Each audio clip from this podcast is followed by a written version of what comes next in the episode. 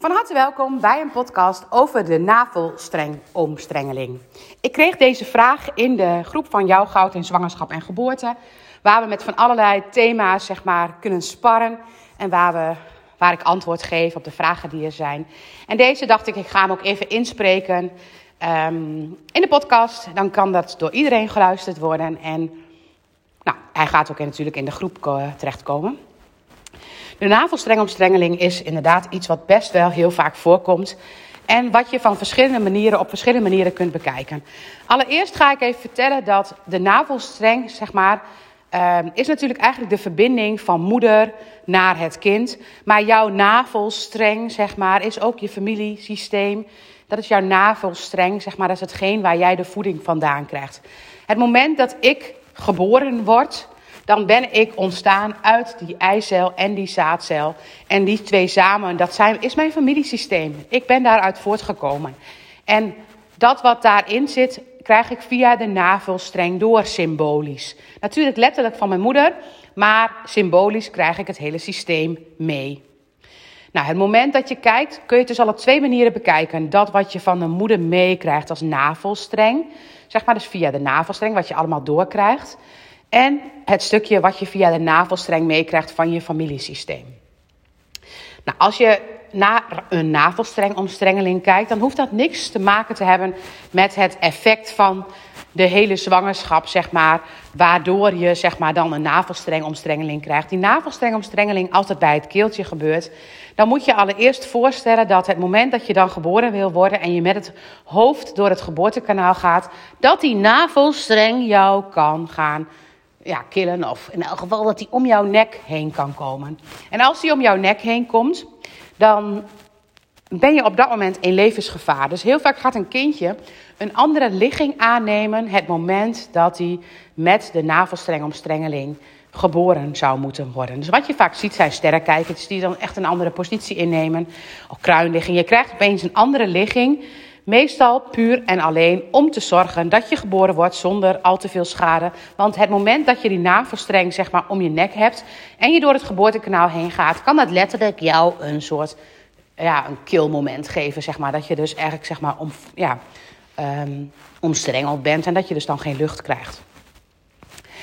In, um, dus de liggingen die anders zijn, die zijn vaak voortgekomen uit een navelstrengomstrengeling.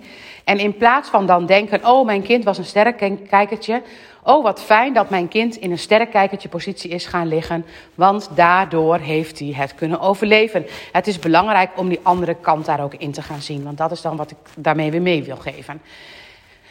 Als je met een navelstrengomstrengeling geboren wordt, dan heb je vaak echt zuurstoftekort gehad. Niet allemaal, zeg maar, want het moment dat je een andere houding aanneemt is dat beter. Maar het is wel een angstig moment geweest Soms gaan kinderen meconiumhoudend vruchtwater hebben. Dat is puur omdat ze angst hebben gehad. Er is even een zuurstoftekort gehad. En het kan soms zelfs zo zijn dat een kindje de eerste minuten gewoon niet ademt. Dat hij echt erbij gehaald moet worden. Dan is zo'n kindje werkelijk door de navelstrengomstrengeling... heeft hij te weinig zuurstof gehad. En moet hij er dus echt even weer bijgehaald worden. Dus dan is, zeg maar, zo'n navelstrengomstrengeling gewoon echt in de overleving is die echt gewoon heel benauwend geweest. En dat zal bij iedereen zo zijn, maar als het dan ook werkelijk dat je dan een kindje daarna bijna moet reanimeren, dan heeft dat gewoon, die navelstrengomstrengeling, heeft ervoor gezorgd dat je het bijna niet overleefde.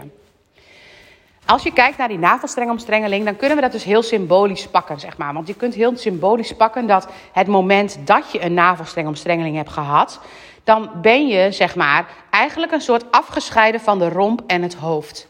Dat zijn vaak kinderen, als kinderen, maar ook volwassenen, die heel erg in hun hoofd leven en heel moeilijk in het gevoel kunnen leven. En als ik dan naar mijn oudste kijk, dan had hij ook een navelstrengomstrengeling en die is als een sterrenkijkertje, geboren via een keizersnede.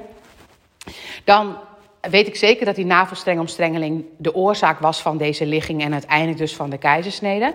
Maar ik weet ook dat dat wat hij laat zien aan mij, is dat ik te veel in mijn hoofd leef en te weinig naar beneden zak.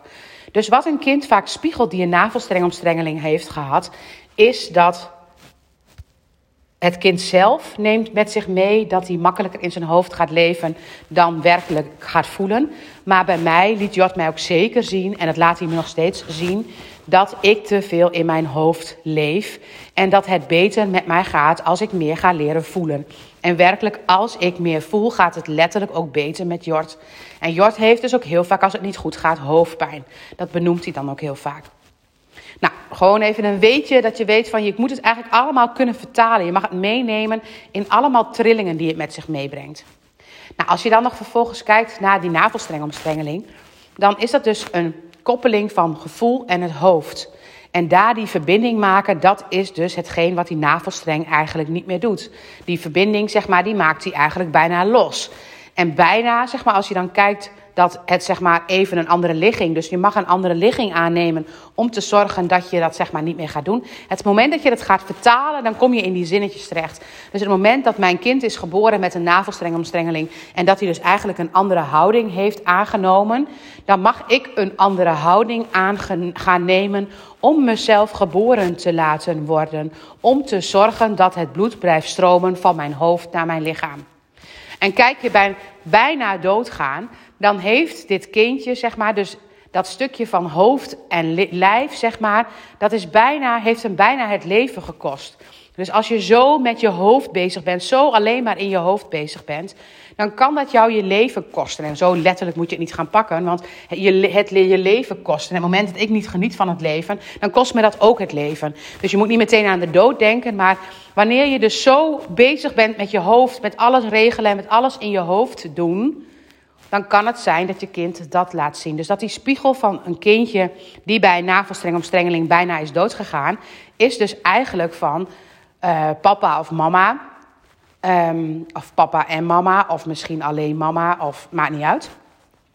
Um, de manier waarop je alleen maar je hoofd en je gevoel uitschakelt van elkaar, losmaakt van elkaar. Ja, dat kost je je leven, zeg maar. Dat kost het leven. Dus het echt leven van dingen.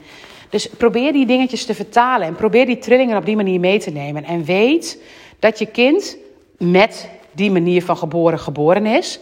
En het moment dat jij die trilling snapt, dat je dan dus de trilling eraf kunt halen. Ik snap de trilling bij Jort. Als ik echt als een wilde weer tekeer ga. En als een wilde bedoel ik echt compleet met mijn hoofd. Dit moet ik regelen en dat moet ik regelen. Nou, je wilt niet geloven wat er dan gebeurt. Hij laat mij eigenlijk zien hoe dat werkt. En hij komt misschien juist wel precies in dat stukje. Hij komt, denk ik, mij laten zien hoe je echt helemaal in je gevoel mag leven. En hoe je daar volledig op mag vertrouwen. En het is een heel wijs kereltje. Hij snapt het heel goed met het hoofd. Maar daar laat hij zich niet door leiden. Hij voelt ook werkelijk iets. En ik ben een best slim meisje in mijn hoofd. Maar ik voel ook heel veel. En ik had die twee dingen los van elkaar gemaakt. En die twee dingen los van elkaar, zeg maar, dat werkt niet. Dus ik mag die dingen met elkaar gaan verbinden. En Jort was, is, is de grote verbinder, zeg maar, voor mij. Maar hij wordt dus geboren met die navelstrengomstrengeling. Omdat ik vanuit mijn systeem, vanuit de navelstreng, hem een soort van hoofd-buikgevoel heb weten te geven. En dat belemmerde hem om echt geboren te worden. En dat belemmerde hem niet om echt geboren te worden. Maar dat zal hem in de toekomst belemmeren om geboren te worden. Dat is voor Jort. Maar het belemmert mij ook om geboren te worden. En dat is ook echt zo. En op het moment dat ik dat beter kan integreren in mijn systeem. Dan zul je, zal ik dat bij Jort minder terug gaan zien. Want dat spiegelt hij mij dan weer. En dan is dat wel de plek zeg maar, waar, ik, uh, waar je. Um, kijk, het is ook van Jort. Maar ik haal mijn trilling eraf als ik dit heb gezien. En ik kan als moeder hem helpen om daarmee te verbinden, om dat, dat los te gaan maken. Dus eigenlijk ook bij een navelstrengomstrengeling zie je die liggende acht. Want het moment dat je echt lemniskaat, liggende acht betekent, dan is dat echt precies waar het over gaat. En uiteindelijk niet eens zozeer dat hij dus, dat, dat middenstukje zeg maar, dat hij echt vloeiend door mag lopen. Het zijn geen twee, maar het is eigenlijk één in een verbinding met elkaar. En het moment dat je dat kunt leven dan kun je leven. Ik denk dat dat zeg maar echt het grote, het grote stukje is. Dus ik vertaal het altijd en ik vertaal het ook altijd naar de moeder in kwestie. En uh, omdat die op die manier zeg maar via het navelstreng heeft meegegeven. Maar ik weet ook zeker dat dat systeem in het familiesysteem zit. En het is altijd makkelijker om het bij de ander neer te leggen. Dus om het bij Stefan te zien van ja, jij bent echt heel erg in je hoofd en je bent niet van je gevoel. Maar dat heb ik, daar heb ik echt helemaal niks mee bereikt. Het enige wat ik bereikt heb is door naar mezelf te kijken en dat stukje in mezelf te omarmen. Dus die navelstrengomstrengeling, zeg maar, die maakt eigenlijk een koppeling of een loskoppeling tussen um, het hoofd en het gevoel. En daardoor nou, moeilijk echt lekker kunnen leven. Zeg maar. Dat is eigenlijk het stukje wat je zou kunnen pakken. En natuurlijk, als hier een baby is, is dat niet hetgeen wat ik direct vertel. Maar wat ik wel doe, is als iemand heel vaak zegt: Ik denk, dat ik zeg: En hoe voel je je dan? Dat ik het wel koppel. Dat ik het op die manier koppel om te zorgen dat daar weer een meer verbinding tussen komt. Nou, wat verder nog bij de navelstrengomstrengeling, zeg maar, wat wel vaak wordt gezegd, is dat um, deze kinderen, doordat ze dan heel veel spanning hebben, zeg maar, bij het keelgebied, vinden ze het onprettig om strakke truitjes aan te hebben. Onprettig om bij het keelgebiedje, zeg maar, te, te aaien of te bewegen. Want daar heeft natuurlijk. Maar het is wel goed om daar lief voor dat gebiedje te zijn. Want dat is het gebiedje die heftigheid heeft gehad. En bij de behandeling is het altijd het gebiedje wat ik dan ontspan. Waardoor het drinken makkelijker gaat en minder reflux is. Want dat is vaak wat er allemaal dan gebeurt. En op het moment dat je dat echt mooi lief aait, bijvoorbeeld bij het drinken echt lief aaien in het nekje of bij de bovenkant van de borstkas. Ja, of een osteopaat het laten ontspannen. Dan um, kun je ervoor zorgen dat het gebied minder trauma met zich meedraagt, minder spanning met zich meedraagt. Nou, een heel verhaal over de navelstrengomstrengeling. Uh, dankjewel voor het luisteren.